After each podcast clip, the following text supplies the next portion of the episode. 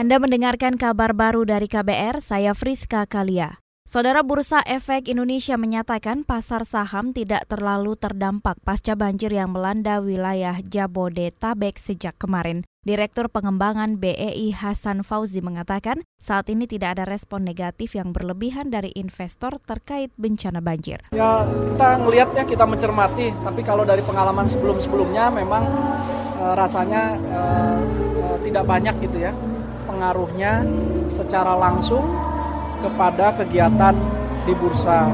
Kecuali misalnya kemarin terkendala karena uh, uh, misalnya listrik dan sebagainya tapi kan tidak masif ya. Jadi saya kira dengan ini nih smartphone masing-masing sekarang akses ke bursa kita sangat memungkinkan Saudara Direktur Pengembangan Bursa Efek Indonesia Hasan Fauzi menambahkan penanganan banjir yang baik sudah dilakukan oleh pemerintah daerah maupun pemerintah pusat. Namun ia berharap penanganan banjir dilakukan dengan cepat agar tidak berdampak pada perdagangan saham. Sementara itu, pengungsi banjir di Cipinang Melayu, Jakarta Timur mengeluhkan kurangnya informasi soal banjir ke pemukiman mereka. Salah seorang warga terdampak banjir Yuli mengatakan ia mengetahui ketinggian air dari kerabat yang berada di luar rumah. Akibatnya, Yuli mengaku tidak sempat menyelamatkan harta benda. Kini Yuli ikut mengungsi di kampus Universitas Borobudur, Jakarta Timur. Semua nggak ada yang terselamatkan, cuman badan nama nyawa aja. Surat Surat-suratnya? Nggak sempet, nggak sempet terselamatkan. Pokoknya cuma nyelamatin nyawa dulu, sama baju di badan melekat udah.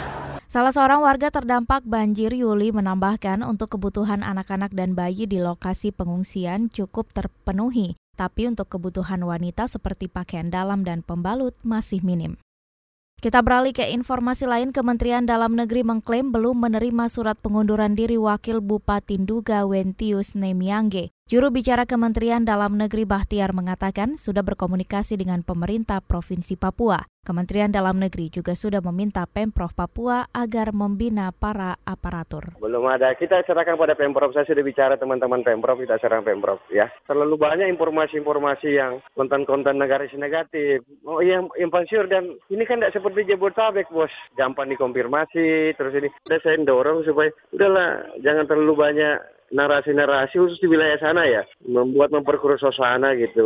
Kalau kawan-kawan pernah ke ke Papua lima tahun dulu lalu baru ke sana ke sini sekarang, uh, jauh sekali. Juru bicara Kementerian Dalam Negeri Bahtiar mengaku berhati-hati menanggapi kasus pengunduran diri Wakil Bupati Nduga Wentius Nemiangge karena enggan mengganggu pembangunan yang sedang digencarkan di Papua. Bahtiar juga menyatakan Kementerian Dalam Negeri akan membahas hal itu lebih lanjut bersama DPR.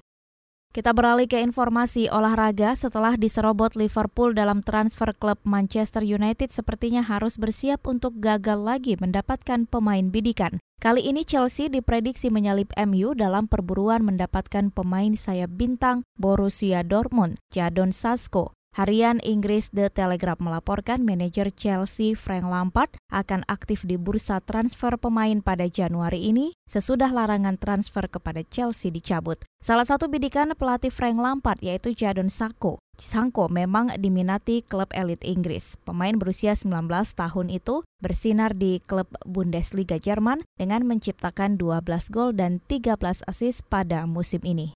Demikian kabar baru dari KBR, saya Friska Kalia.